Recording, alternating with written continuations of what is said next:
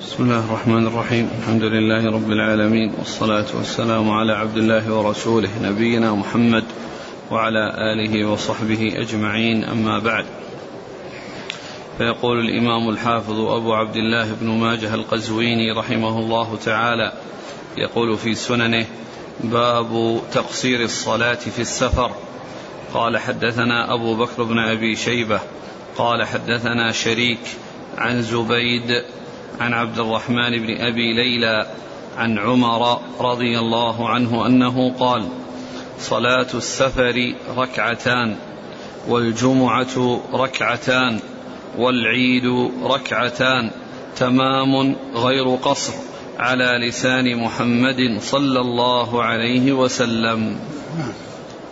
قال حدثنا محمد بن عبد الله بن نمير قال حدثنا محمد بن بشر قال أخبرنا يزيد بن زياد بن أبي الجعد عن زبيد عن عبد الرحمن بن أبي ليلى عن كعب بن عجرة رضي الله عنه عن عمر رضي الله عنه أنه قال صلاة السفر ركعتان وصلاة الجمعة ركعتان والفطر والأضحى ركعتان تمام غير قصر على لسان محمد صلى الله عليه وسلم. بسم الله الرحمن الرحيم. الحمد لله رب العالمين. وصلى الله وسلم وبارك على عبده ورسوله نبينا محمد وعلى آله وأصحابه أجمعين أما بعد. فيقول الإمام ابن ماجه رحمه الله باب تقصير الصلاة. تقصير الصلاة جعل الرباعية اثنتين وهي الظهر والعصر والعشاء. وأما الفجر فإنها على ما هي عليه ركعتان والمغرب على ما هي عليه ثلاث والقصر إنما هو للرباعية دون غيرها من الصلوات. وقد ثبت في الكتاب والسنة قصر الصلاة وأن الرباعية تكون اثنتين وذلك من فعله وقوله عليه الصلاة والسلام فإنه كان يصلي في السفر ركعتين وكذلك جاء في كلامه عليه الصلاة والسلام أن الصلاة في السفر ركعتان. و وأورد ابن ماجه رحمه الله الأحاديث في ذلك عن رسول الله عليه الصلاة والسلام ومنها حديث عمر رضي الله عنه أنه ذكر عن النبي عليه الصلاة والسلام أن صلاة السفر ركعتان وأن صلاة الجمعة ركعتان وصلاة العيدين ركعتان وأنهما تامة وإن كان عددها قليلا لأن الله عز وجل خفف على الناس في السفر وجعلها اثنتين وقد جاء في بعض الأحاديث أن الصلاة في بعض الأحاديث كما سيأتي أن الصلاة أول ما فرضت ركعتان فأقرت صلاة السفر وزيد في صلاة الحضر حتى صارت أربعا. وجاء أيضا في الحديث أن عمر رضي الله عنه قال للنبي عليه الصلاة والسلام أن ما بالنا نقصر وقد أمنا وقد جاء في القرآن أن القصر إنما يكون عند الخوف كما جاء في القرآن فقال آه، أنه آه، سأل الرسول عليه الصلاة والسلام فقال صدقة تصدق الله بها عليكم فاقبلوا صدقته. يعني أن الله خفف عنكم وجعل صلاتكم في السفر ليست كصلاتكم في الحضر بل تكون ركعتين وفي الحضر أربعا. وقد اختلف العلماء منهم من قال إن صلاة صلاة أن القصر عزيمة وأنها ليست رخصة وجمهور أهل العلم على أنها رخصة وأنها ليست عزيمة وأن من صلى أربعا في السفر فإن صلاته صحيحة ولا يقال إنها باطلة و وكان وكان ذلك خلاف السنة وخلاف الأولى لأن النبي عليه الصلاة والسلام كان يقصر في السفر ولا يتم. وجاء عن بعض الصحابة أنهم أتموا كعثمان بن عفان رضي الله تعالى عنه وأرضاه. والحاصل أن السفر أن أن القصر يعني آه، مشروع وأن الأولى للإنسان أن يقصر وهو أولى من أن أن أن, أن يتم. و والأولى له القصر ولو كان ولو ولو أتم فإن الصلاة تكون صحيحة. وإن لو أتم فإن الصلاة تكون صحيحة ولا تكون باطلة لكنها خلاف الأولى وخلاف ما جاء عن رسول الله عليه الصلاة والسلام من قوله وفعله صلوات الله وسلامه وبركاته عليه. نعم. قال حدثنا أبو بكر بن أبي شيبة. ثقة أخرج أصحاب الكتب إلى الترمذي. عن شريك. شريك بن عبد الله النخعي الكوفي صدوق اختلط وحديث أخرجه البخاري تعليقا ومسلم وأصحاب السنن. عن زبيد. زبيد بن الحارث اليامي ثقة أخرج أصحاب الكتب. عن عبد الرحمن بن أبي ليلى. عبد الرحمن بن أبي ليلى ثقة أخرج أصحاب الكتب. عن عمر. عمر بن الخطاب رضي الله عنه أمير المؤمنين وثاني الخلفاء الراشدين الهاديين المهديين صاحب المناقب الجمة والفضائل الكثيرة وحديثه عند أصحاب الكتب الستة. قال حدثنا محمد بن عبد الله بن نمير ثقة أخرج أصحاب الكتب. عن محمد بن بشر وهو ثقة أخرج أصحاب الكتب. عن يزيد بن أبي عن يزيد بن زياد بن أبي الجعد. هو صدوق. أخرج البخاري في خلق أفعال العباد والنسائي بن ماجه. نعم. عن زبيد عن عبد الرحمن بن أبي ليلى عن كعب بن عجرة. كعب بن عجرة رضي الله تعالى عنه أخرج له أصحاب الكتب. عن عمر. نعم. قال حدثنا أبو بكر بن أبي شيبة قال حدثنا عبد الله بن إدريس عن ابن جريج عن ابن أبي عمار عن عبد الله بن بابيه عن يعلى بن أمية رضي الله عنه أنه قال سألت عمر بن الخطاب رضي الله عنه قلت ليس عليكم جناح أن تقصروا من الصلاة إن خفتم أن يفتنكم الذين كفروا وقد أمن الناس. فقال عجبت مما عجبت منه. فسألت رسول الله صلى الله عليه وسلم عن ذلك فقال صدقة تصدق الله بها عليكم فاقبلوا صدقته. ثم ذكر هذا الحديث عن عن يعلى يعلى ابن أمية. يعلى بن أمية رضي الله عنه أنه قال لعمر بن الخطاب رضي الله عنه إن الله عز وجل يقول ليس عليكم جناح تقصروا من الصلاة إن خفتم. وقد أمنا لأنه قيد القصر بالخوف. ونحن قد أمنا ما في خوف. ومع ذلك نقصر. فقال إني عجبت مما عجبت منه. يعني هذا الذي أشكل عليك أو هذا الفهم ال ال ال الإشكال الذي قد حصل لك هو قد حصل لي. وقد سألت النبي صلى الله عليه وسلم فقال صدقة تصدق الله بها عليكم فاقبلوا صدقته. يعني أنه كما يكون في الحضر في الخوف بنص القرآن فهو أيضا بحال الأمن بالسنة عن رسول الله عليه الصلاة والسلام.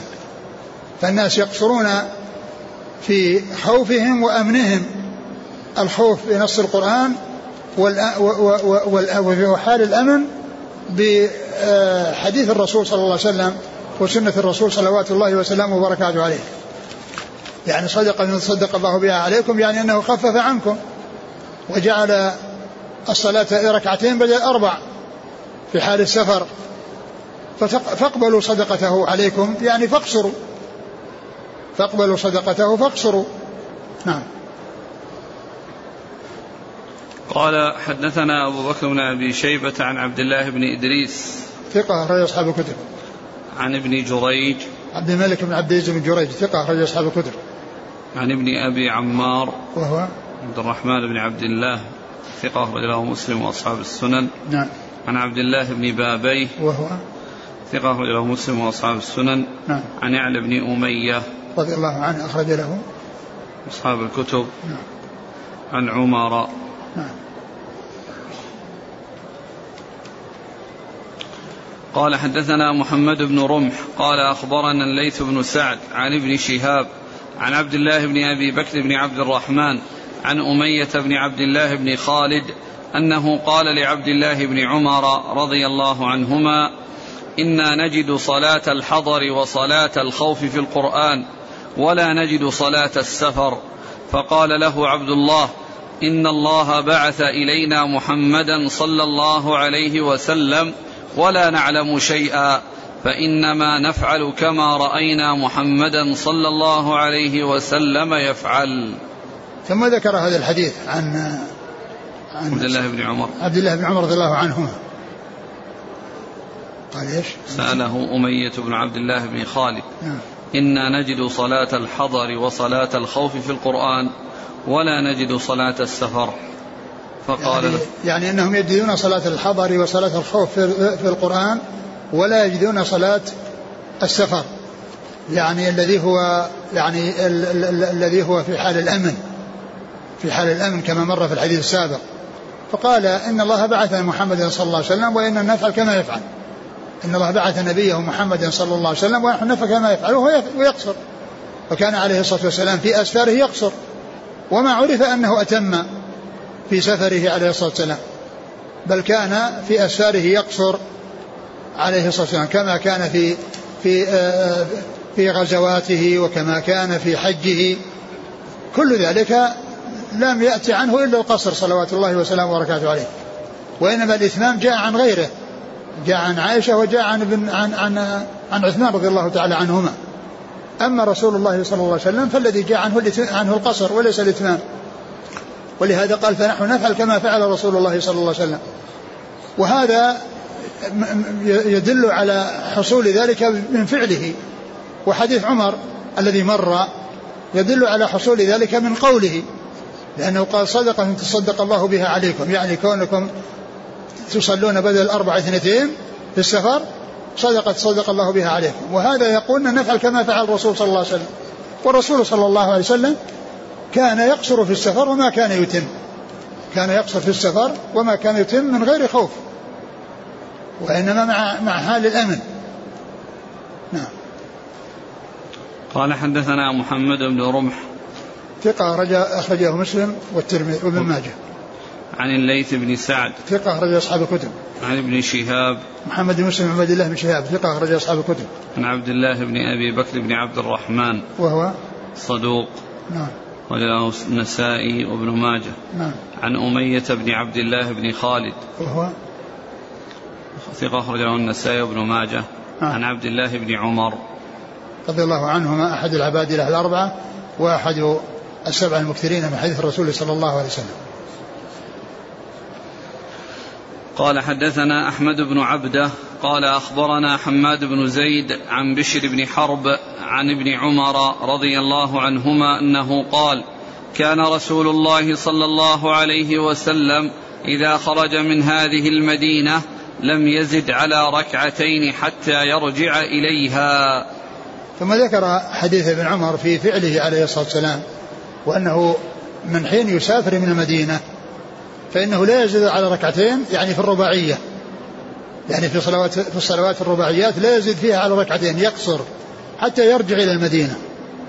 حتى يرجع إلى المدينة فإنه في حال سفره كان يقصر عليه الصلاة والسلام.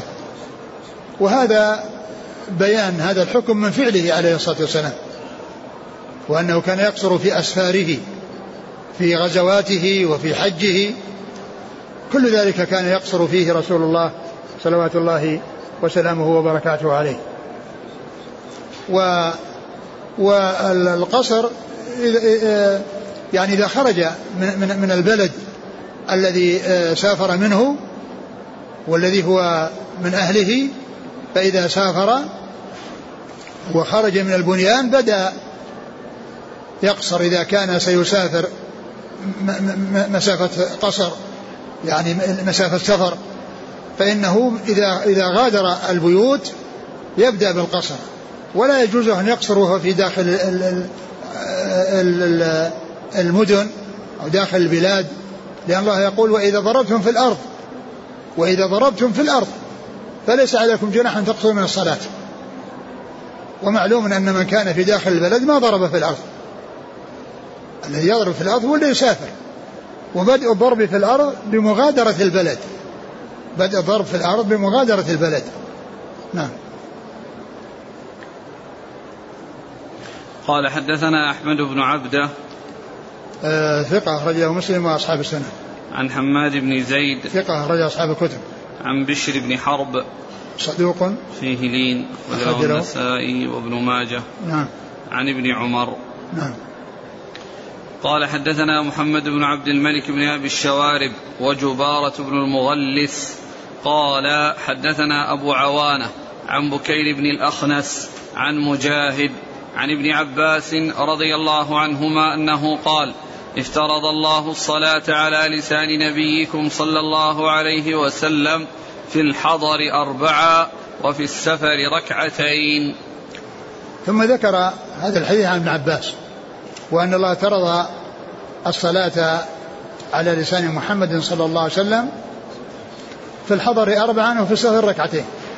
يعني أن الرباعية تصير ثنتين الرباعية تصير اثنتين. وأما الثلاثية اللي هي المغرب فهي على حالها لا تقصر والثنائية التي هي الفجر على حالها لا تقصر.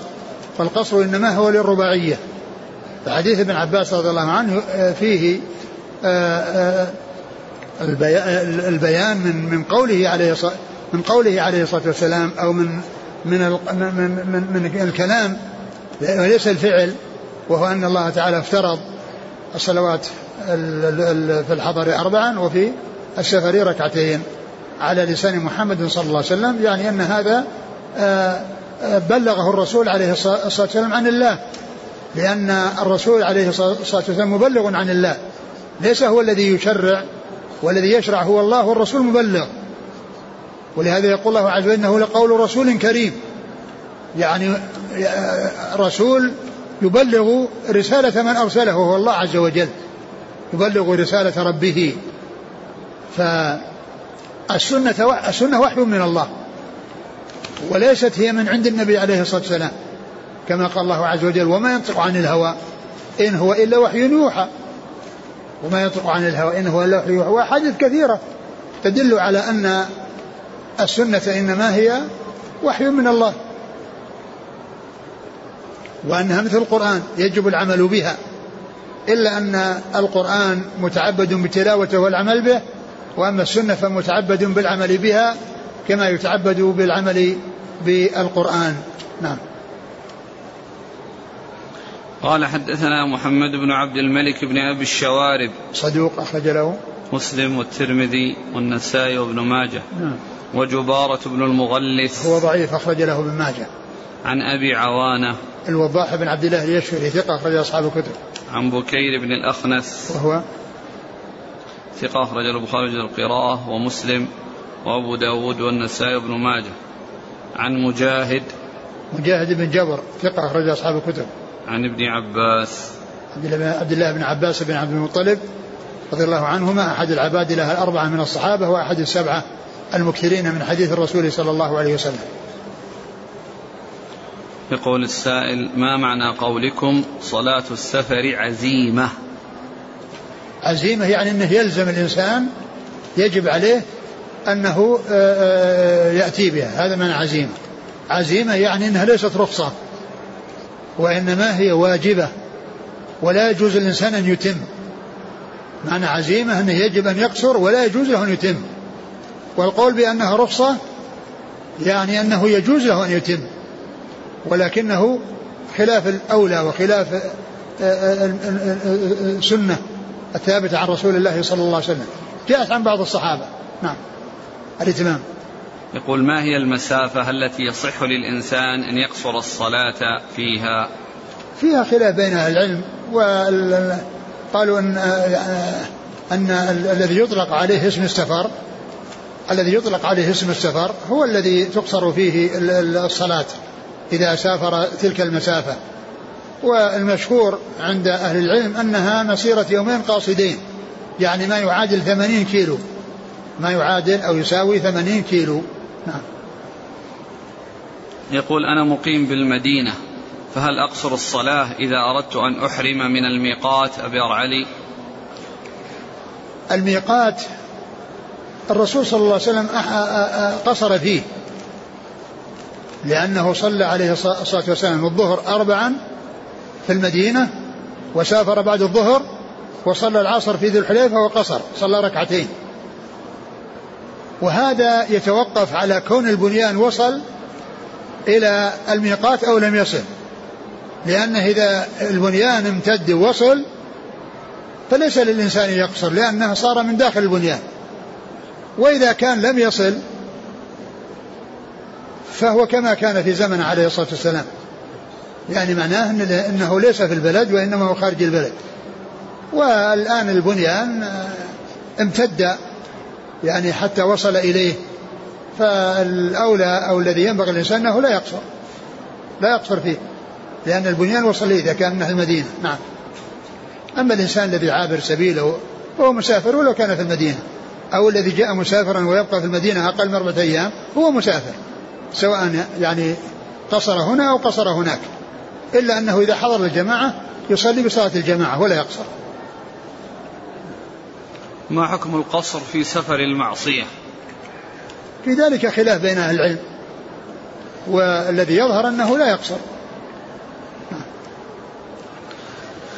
قال رحمه الله تعالى باب الجمع بين الصلاتين في السفر.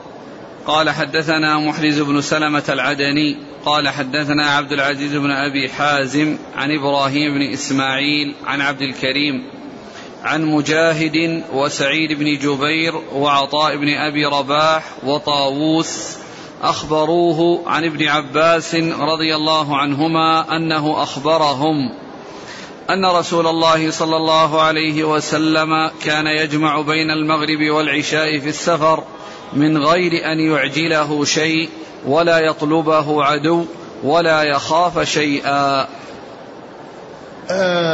الجمع بين الصلاتين في السفر جاءت به السنة عن رسول الله عليه الصلاة والسلام. وإذا كان قد جد به السير فإنه يجمع. أو كان مقيما في مثلا في في في فلات ودخل وقت الظهر فله أن يجمع جمع تقديم ويقدم الظهر مع العصر مع الظهر في أول وقت الظهر. ثم يسافر. وله أن يمشي إلى وقت العشاء بحيث يؤخر المغرب مع العشاء. فيكون جمع بين الظهر والعصر جمع تقديم ويستمر في سيره وله أن يجمع جمع تأخير المغرب مع العشاء. فيكون من الظهر إلى يعني منتصف الليل أو قبل منتصف الليل له أن يصلي أو يسير هذه يعني هذه المسافة و ويجمع جمع تقديم وجمع تأخير. وإذا كان مقيما فالأولى عدم الجمع لأن النبي عليه الصلاة والسلام كان بمكة في آه، حجة الوداع أربعة أيام في الأبطح يقصر ولا يجمع.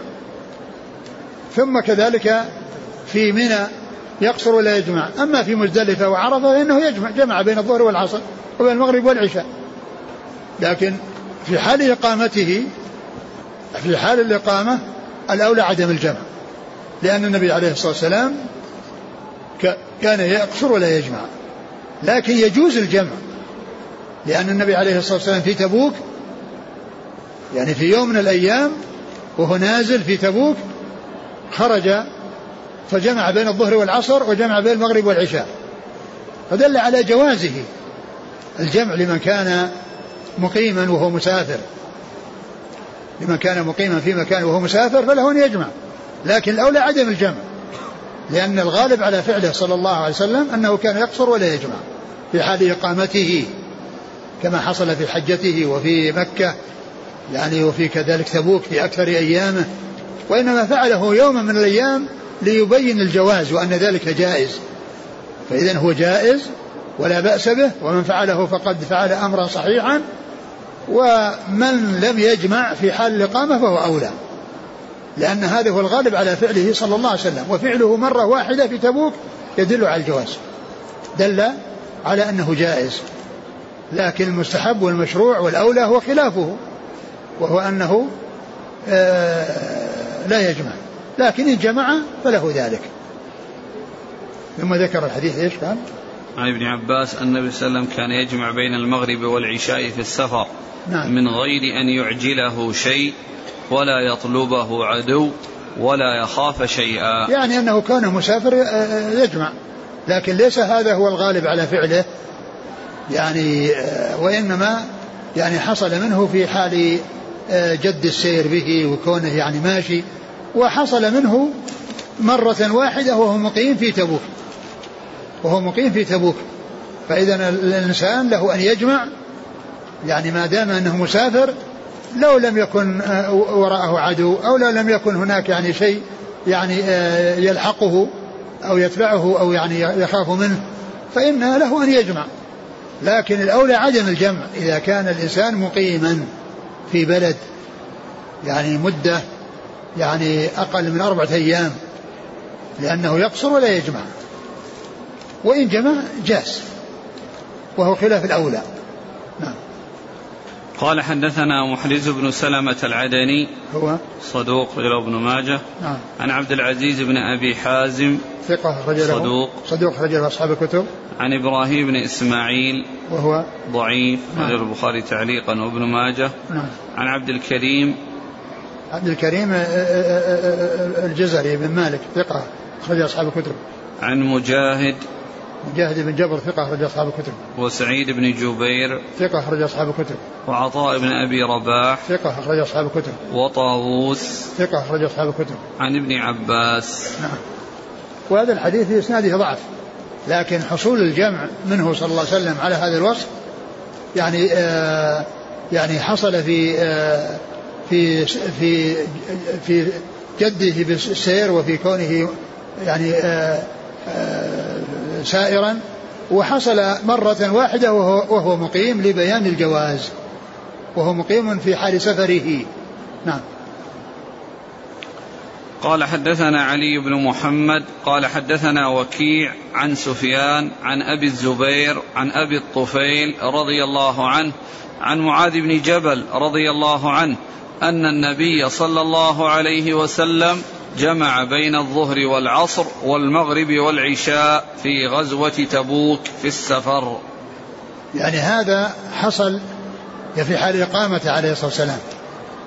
لأنه كان نازلا في تبوك وفي يوم من الأيام جمع بين الظهر والعصر وجمع بين المغرب والعشاء. يوم من الأيام ليس كل الأيام.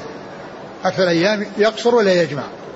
لكنه جمع في يوم من الأيام ليبين الجواز وأن من كان مقيما فله أن يقصر له أن يجمع. لكن الغالب على فعله صلى الله عليه وسلم هو القصر دون الجمع. قال حدثنا علي بن محمد. الطنافسي ثقة أخرجه النسائي في مسند علي وابن ماجه. عن وكيع. ثقة أخرج أصحاب الكتب. عن سفيان. هو الثوري ثقة أخرج, أصحاب الكتب. عن أبي الزبير. ومحمد بن مسلم بن تدرس صدوق أخرج أصحاب الكتب. عن أبي الطفيل. وهو صحابي رضي الله عنه أخرج له. أصحاب الكتب. نعم. عن معاذ بن جبل. رضي الله عنه أخرج أصحاب الكتب. رحمك الله. يقول السائل هل يجمع بين الصلاتين وهو يسمع النداء؟ الإنسان إذا كان مقيم في بلد فإنه يصلي مع الناس الجماعة ولا يجلس في بيته يصلي. بل إذا سمع النداء يذهب ويصلي مع الناس. نعم. رجل أخر المغرب إلى صلاة العشاء ووصل إلى المدينة قبيل العشاء. ماذا يفعل؟ إذا كان قبل العشاء يصلي المغرب فقط والعشاء يصليها في وقتها. وإن كان دخل وقت العشاء يصلي المغرب ثم يصلي العشاء. لكن لا يقدم العشاء وقد وصل. لا يجمع. لكن يعني يصلي المغرب لأن في وقتها لأن وقت المغرب يمتد إلى دخول وقت العشاء. إلى دخول وقت العشاء كل وقت لصلاة المغرب. فإذا فله أن يصلي المغرب وحدها والعشاء يصليها في وقتها. من تيقن أنه يدرك الوقت في البلد المسافر إليه فهل له أن يجمع بين الصلاتين؟ له أن يجمع لأنه مسافر. وله أن يقصر لأنه مسافر يعني في حال آه، آه، سفره.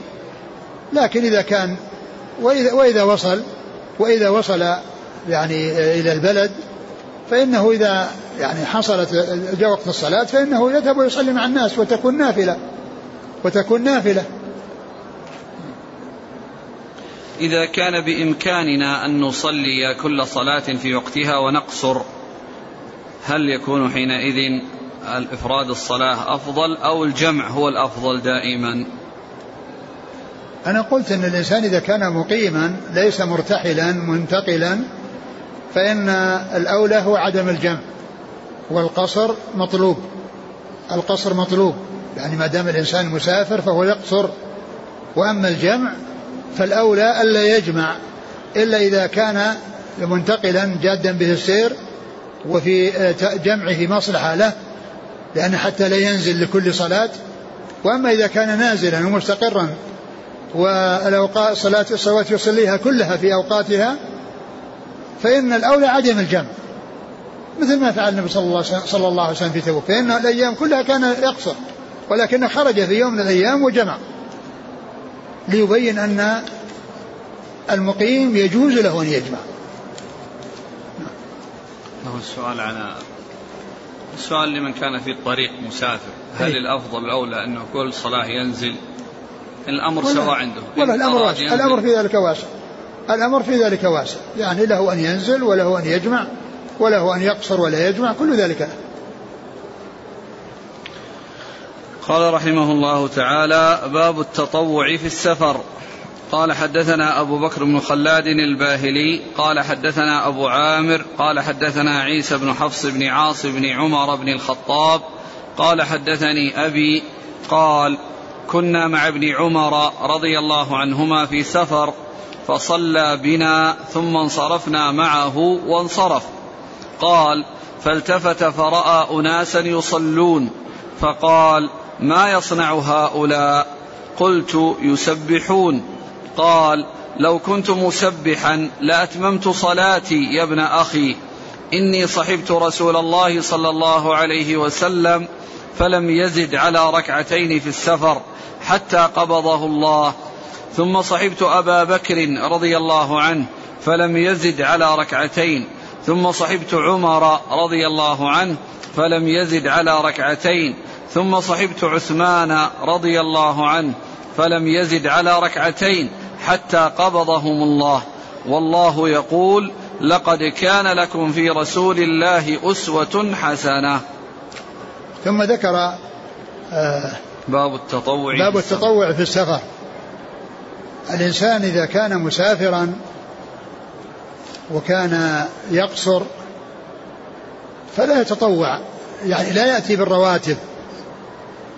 يعني أربعا قبل الظهر وثنتين بعدها وثنتين بعد العشاء وثنتين بعد المغرب. أما ثنتين قبل الفجر فهذه يفعلها لأن النبي عليه الصلاة والسلام ما كان يتركها لا في حضر ولا في سفر. ركعة الفجر السنة الراتبة قبل الصلاة الرسول عليه الصلاة والسلام ما كان يتركها لا في الحضر ولا في السفر هي والوتر. ما كان يترك الوتر ولا ركعتي الفجر لا في حضر ولا في سفر عليه الصلاة والسلام. أما الرواتب الأخرى فلا يأتي بها لأنه يقصر. يعني الرباعية صارت اثنتين فكيف يروح يأتي بركعتين؟ نافلة. وعلى هذا فإن المسافر لا يأتي بالرواتب مع حال قصره. لكنه إذا كان مثلا موجودا في البلد وهو يصلي مع الناس مثل اللي يأتي للمدينة ويصلي مع الناس فإنه يأتي بالرواتب. لأنه ليس لا يقصر. ليس من أهل القصر. لأنه هو الآن مع مع المصلين. فإذا أتم فإن له له أن يأتي بالرواتب.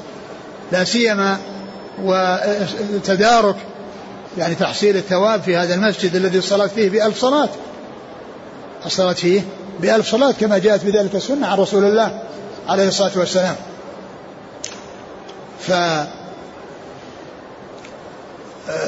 إذا الذي آه، يؤتى به من من الرواتب هي صلاة ركعتي الفجر والوتر.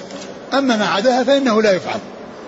أما الرواتب الأخرى التي هي آه، غير رواتب السنن التي هي غير رواتب فالإنسان يفعلها لأن النبي عليه الصلاة والسلام كان كان يتنفل على راحلته في السفر.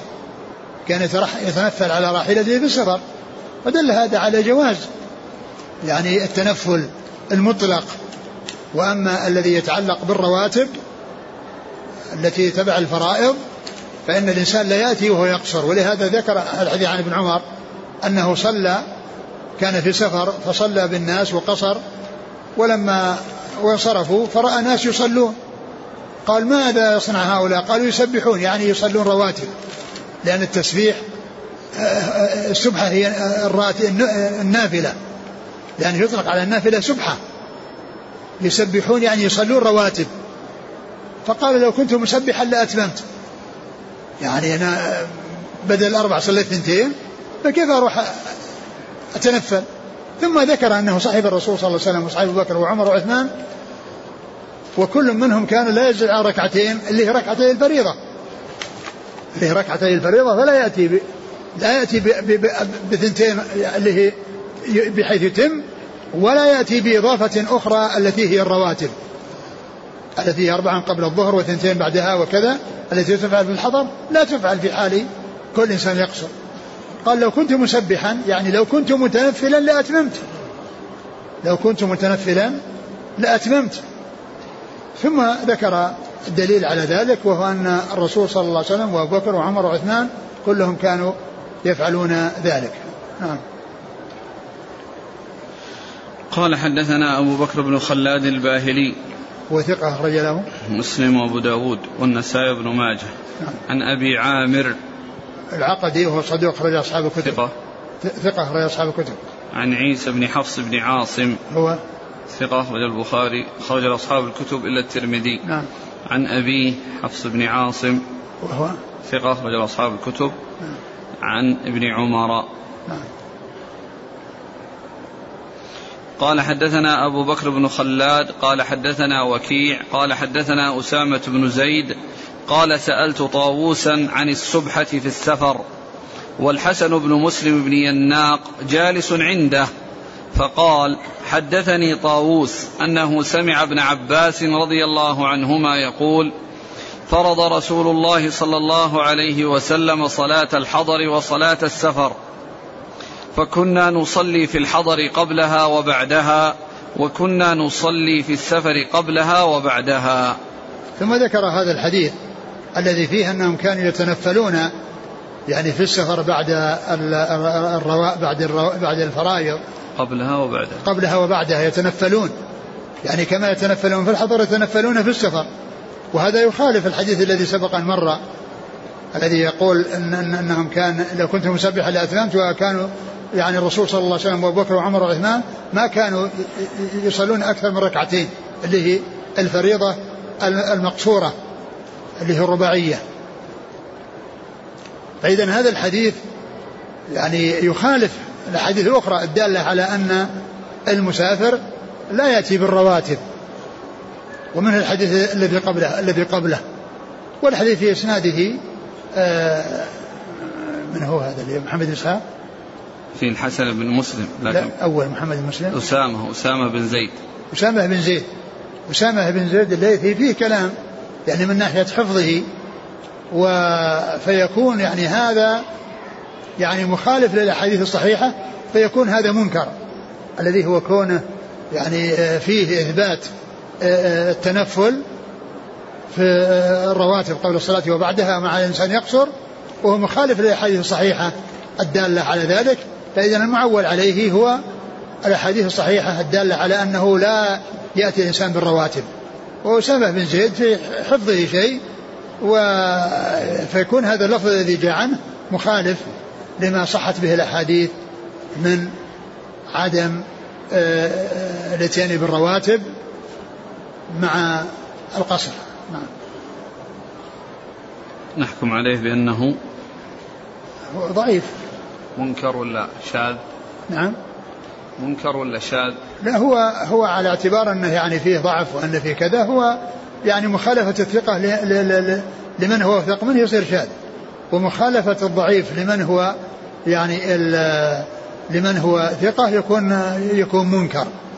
لكنها يعني على اعتبار أن فيه ضعف أن فيه ضعف وأن هذا قد يكون أنه من, من, من, من هذا الذي يعني نسب إليه من الضعف. قد يكون هذا من الغلط بسبب ما فيه من ضعف. فالمهم أنه لا يعول عليه سواء أطلق عليه شاذ أو منكر.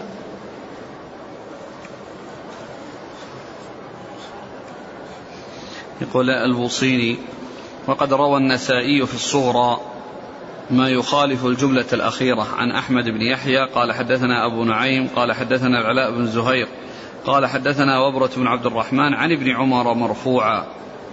كان لا يزيد في السفر على ركعتين لا يصلي قبلها ولا بعدها. نعم هذا مثل اللي راح أقول هذا مثل الحديث الذي تقدم. تنصيص على لا قبلها الحديث المتقدم كانوا يسبحون بعد الصلاة. نعم. حديث ابن عمر متقدم يسبحون بعد الصلاة. رآهم يسبحون نعم بعد نعم نعم يعني هو ذكر؟ قال لو كنت مسبحا يعني كلمة لو كنت مسبحا لأتممت تشمل هذا وهذا. تشمل ما كان قبل الصلاة وما كان بعدها. قال حدثنا أبو بكر بن خلاد عن وكيع عن أسامة بن زيد. هو؟ صدوق يهم أخرج له البخاري تعليقا ومسلم وأصحاب السنن. نعم. عن الحسن بن مسلم بن يناق. هو هو راويه. ثقة أخرج له أصحاب لا هو بس هو هو قال فقال حدثني طاووس. اقرأ الإسناد قال قال كنت. عن أسامة بن زيد قال سألت طاووسا عن السبحة في السفر. والحسن بن مسلم بن يناق جالس عنده. فقال حدثني طاووس أنه سمع ابن عباس. هو حدثه طاووس جالس. يعني للحسن؟ أي. هو هو الراوي؟ نعم. نعم وش قال فيه؟ ثقة أصحاب الكتب إلا الترمذي. عن طاووس طاووس ثقة أخرج أصحاب الكتب. عن ابن عباس. اقرأ الإسناد. قال كنت. قال حدثنا أبو بكر بن خلاد. قال حدثنا وكيع. قال حدثنا أسامة بن زيد. قال سألت طاووسا عن السبحة في السفر والحسن بن مسلم بن يناق جالس عنده. فقال حدثني طاووس أنه سمع ابن عباس يقول. قال قال كنت إيش؟ عد. قال سألت طاووسا عن السبحة في السفر. آه. والحسن بن مسلم بن يناق جالس عنده. فقال حدثني طاووس أنه سمع ابن عباس يقول. نعم يعني هذا الكلام يصير للحسن بن النار نعم. ما في شيء لكن نعم. في غرابة طاووس الشيخ موجود. أي نعم. يعني آه، آه، لعله يعني أراد إنه يعني يبين أنه قد آه، حدث بهذا الحديث وأنه سمع منه. وقد يكون كان إنه سكت وإنه يعني يعني قد يكون انه إنه نسي ولا ما إلى ذلك. يعني كما هو في في من حدث ونسي. في من حدث ونسي. إذا كان من هذا القبيل يصير. نعم. قال رحمه الله تعالى باب كم يقصر المسافر إذا أقام ببلده؟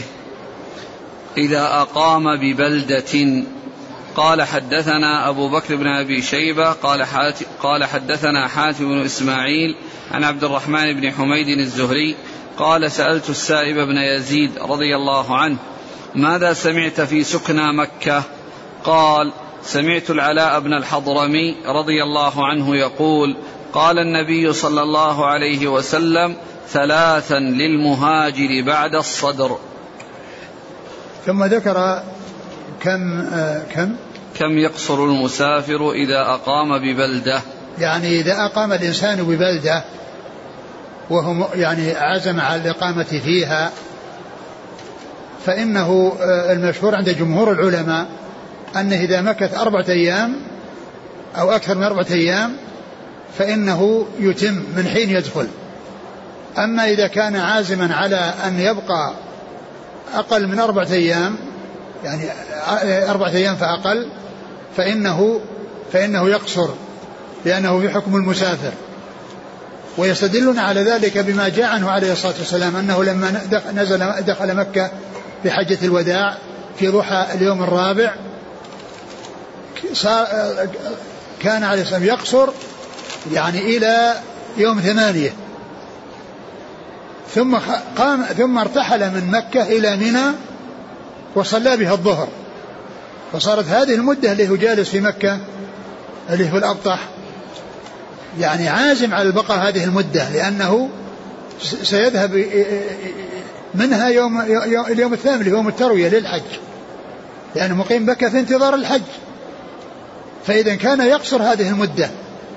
قالوا هذا يستدل به على أن من كان جلس مثل هذه المدة فإن له يقصر. وإذا زاد عليها فإنه يتم.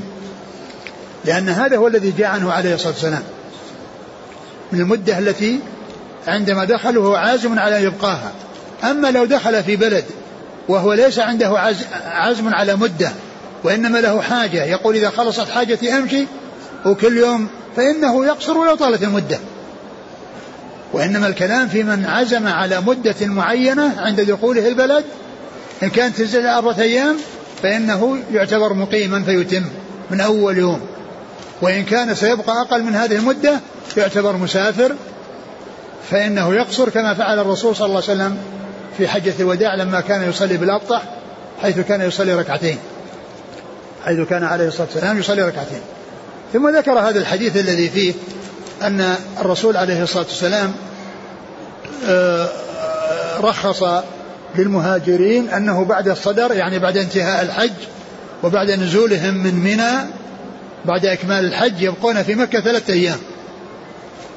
ويقصرون لأنهم هذه مدة يقصرون وهي مدة أقل من أربعة أيام. فإذا هذه المدة التي ذكر أنهم يعتبرون مسافرين.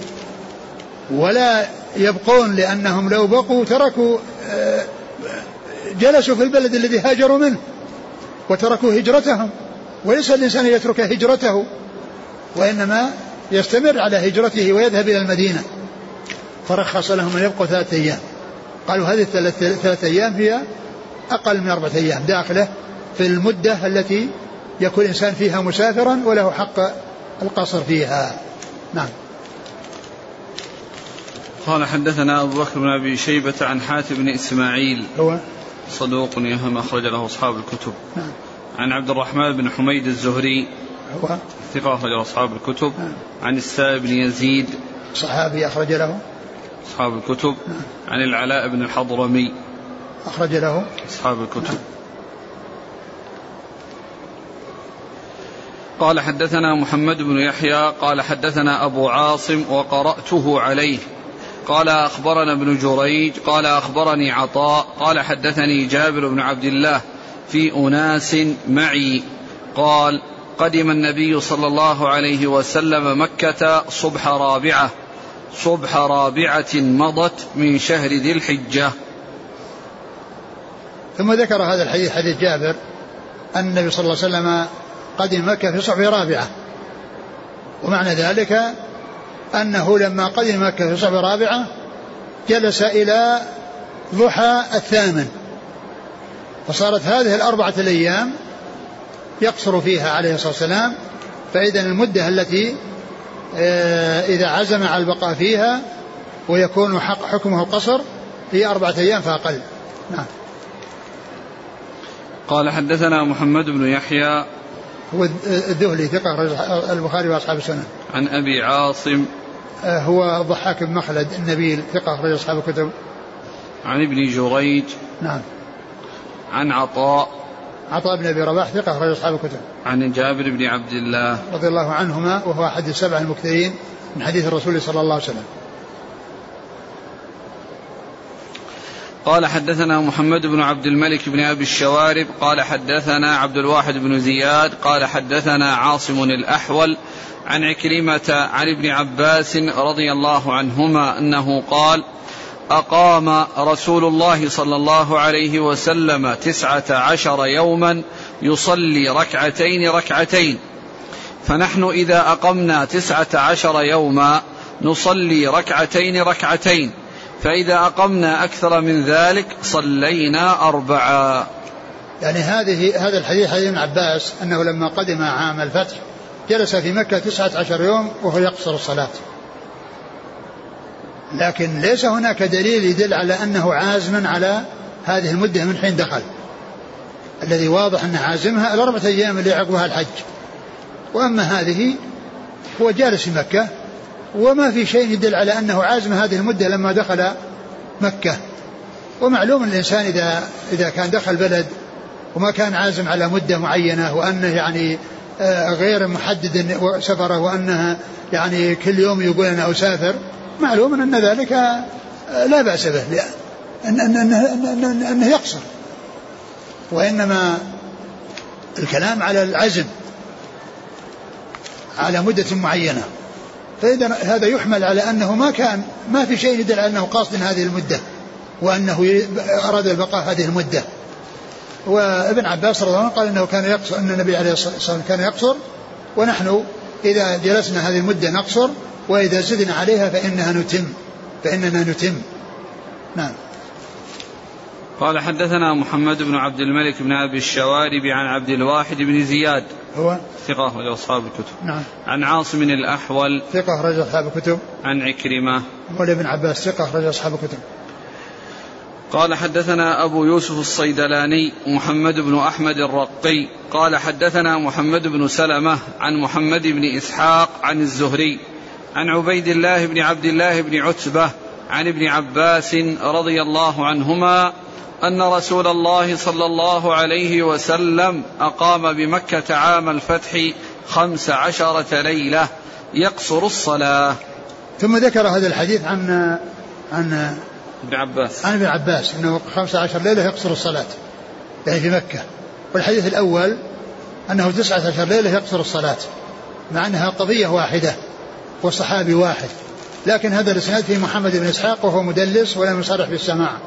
فاذا يعني هذه الرواية غير محفوظة والمحفوظة هي التسعة عشر التي مرت. فعلى هذا يعني آه، ترجح تلك الرواية على هذه الرواية. لأن تلك صحيحة ولا إشكال فيها وأما هذه ففيها آه، ضعف من جهة أن فيها محمد بن إسحاق وهو مدلس ولم يصرح بالسماع نعم. قال حدثنا أبو يوسف الصيدلاني هو؟ ثقة أخرج له النسائي بن ماجه. نعم. عن محمد بن سلمة هو الحراني وهو ثقة أخرج له. خارج القراءة ومسلم وأصحاب السنن. نعم. عن محمد بن إسحاق وهو صدوق أخرجه البخاري تعليقا ومسلم وأصحاب السنن عن الزهري نعم. عن عبيد الله بن عبد الله بن عتبة وهو ابن مسعود ثقة أخرج أصحاب الكتب. قال حدثنا نصر بن علي الجهضمي قال حدثنا يزيد بن زريع وعبد الأعلى قال حدثنا يحيى بن أبي إسحاق. عن أنس رضي الله عنه أنه قال رحلنا مع رسول الله صلى الله عليه وسلم من المدينة إلى مكة فصلى ركعتين ركعتين حتى رجعنا. قلت كم أقام بمكة؟ قال عشرا. ثم ذكر حديث أنس أن النبي صلى الله عليه وسلم أقام مكة عشرا لكنها ليست في مكان واحد متنقل لأنه جلس في الأبطح أربعة أيام التي هي التي مر ذكرها ويوم ثامن صار في منى. ويوم عرفة في مزدلفة.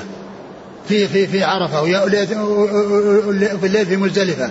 ثم رجع إلى منى وجلس فيها ثلاثة جلس فيها يوم العيد والأيام الثلاثة أربعة أيام. مثل الأربعة الأيام اللي كانت في اللي, كانت في في في, في مكة. فإذا الرسول قام عشرا يعني أربعة قبل الحج وأربعة يعني في في, في منى ويوم ثمانية ويوم تسعة. صار مجموع عشرة. ولكن آه، هذه متفرقة ومكان متنقل ليس مقيم في مكان واحد. وإذا فيها الأربعة الأيام التي أن من بقيها فإنه يقصر وما زاد عليها فإنه يتم. نعم.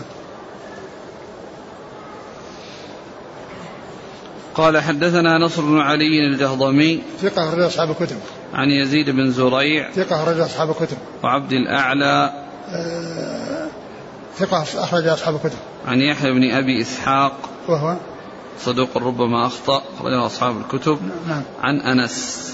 نعم. قال رحمه الله تعالى باب ما جاء في من ترك الصلاة. قال حدثنا علي بن محمد قال حدثنا وكيع قال حدثنا سفيان عن أبي الزبير عن جابر بن عبد الله رضي الله عنهما أنه قال قال رسول الله صلى الله عليه وعلى آله وسلم بين العبد وبين الكفر ترك الصلاة. بين؟ بين العبد وبين الكفر ترك الصلاة. نعم بعد بعده قال حدثنا إسماعيل بن إبراهيم البالسي. قال حدثنا علي بن الحسن بن شقيق. قال حدثنا حسين بن واقد. قال حدثنا عبد الله بن بريدة. عن أبيه رضي الله عنه أنه قال قال رسول الله صلى الله عليه وسلم العهد الذي بيننا وبينهم الصلاة فمن تركها فقد كفر. قال حدثنا عبد الرحمن بن إبراهيم الدمشقي قال حدثنا الوليد بن مسلم قال حدثنا الأوزاعي عن عمرو بن سعد عن يزيد الرقاشي عن أنس بن مالك رضي الله عنه عن النبي صلى الله عليه وسلم أنه قال ليس بين العبد والشرك إلا ترك الصلاة فإذا تركها فقد أشرك. ثم ذكر يعني هذا ذكر هذا باب باب من ترك؟ في من ما جاء في من ترك الصلاة. باب ما جاء في من ترك الصلاة يعني ما حكمه؟ هل يكون كافرا أو غير كافر؟ والعلماء اختلفوا في ذلك على قولين. جمهورهم على أنه لا يكون كافرا. وبعض أهل العلم قالوا بكفره واستدلوا بكفره بالأحاديث التي جاءت عن الرسول صلى الله عليه وسلم ومنها ما ذكره المصنف هنا. الحديث الأول يقول بين العبد وبين الكفر ترك الصلاة والثاني قال العهد الذي بيننا وبينهم الصلاة فمن تركها فقد كفر. يعني بيننا وبين الكفار من تركها فقد كفر. والحديث الثالث ليس بين بين ليس, ليس بين العبد والشرك إلا ترك الصلاة. فإذا تركها فقد أشرك. فإذا تركها فقد أشرك. أي كفر. وهذه الأحاديث الثلاثة تدل على كفر تارك الصلاة وأنه كفر مخرج من الملة. وذلك أن النبي عليه الصلاة والسلام قال العهد الذي بيننا وبينهم الصلاة. أي بيننا وبين الكفار والفارق بين المؤمنين والكفار الصلاة. فمن تركها فقد كفر. وقال بين المسلم وبين الكفر أو الشرك ترك الصلاة. وجاء أيضا في الحديث الأحاديث الأخرى التي منها أن أن النبي عليه الصلاة والسلام لما ذكر عن الأمراء قال قالوا فهل أفلا نقاتلهم؟ قال لا ما صلوا لا ما صلوا. دل على أنهم إذا كانوا ما يصلون يجوز الخروج عليهم لأنهم كفار. يجوز أن يخرج عليهم لأنهم كفار. وقد جاء في الحديث آخر إلا أن تروا كفرا بواح عندكم فيه من الله برهان. وجاء في الحديث هذا الحديث لا ما صلى أو لا ما أقاموا فيكم الصلاة. فدل هذا على أن على كفر تارك الصلاة من هذه الأحاديث. و و وهذا فيما إذا تركها تهاونا وتكاسلا. أما إذا تركها جحودا فهذا كافر بإجماع المسلمين. وليس هذا الأمر خاصا بالصلاة. بل غيرها مما هو دونها يكفر إذا جحد. من جحد الصلاة الزكاة كفر ومن جحد الصيام كفر ومن جحد الحج كفر ومن استحل يعني الزنا كفر يعني ومن استحل الربا كفر ومن استحل السرقة كفر. الحاصل أن الجحود والاستحلال أنه يحصل به الكفر حتى في غير مسألة الصلاة مما هو دونها يصور به الكفر. لكن الصلاة صارت لها ميزة على غيرها بأن صاحبها يكفر إذا تركها تهاونا وتكاسلا. وجاء عبد الله بن شقيق العقيلي أنه قال لم يكن أصحاب رسول الله عليه الصلاة والسلام يرون من الأعمال شيئا تركه كفر غير الصلاة وأما غيرها فلا يرون إلا إذا كان جحودا إذا كان جحودا فإنهم يرون كفره وإذا كان غير جحود لا يرون كفره. ولهذا جاء في حديث الرجل الذي لا يؤدي الزكاة أنها يوم القيامة إذا كانت ذهبا أو فضة فإنها تحمى ويكوى بها.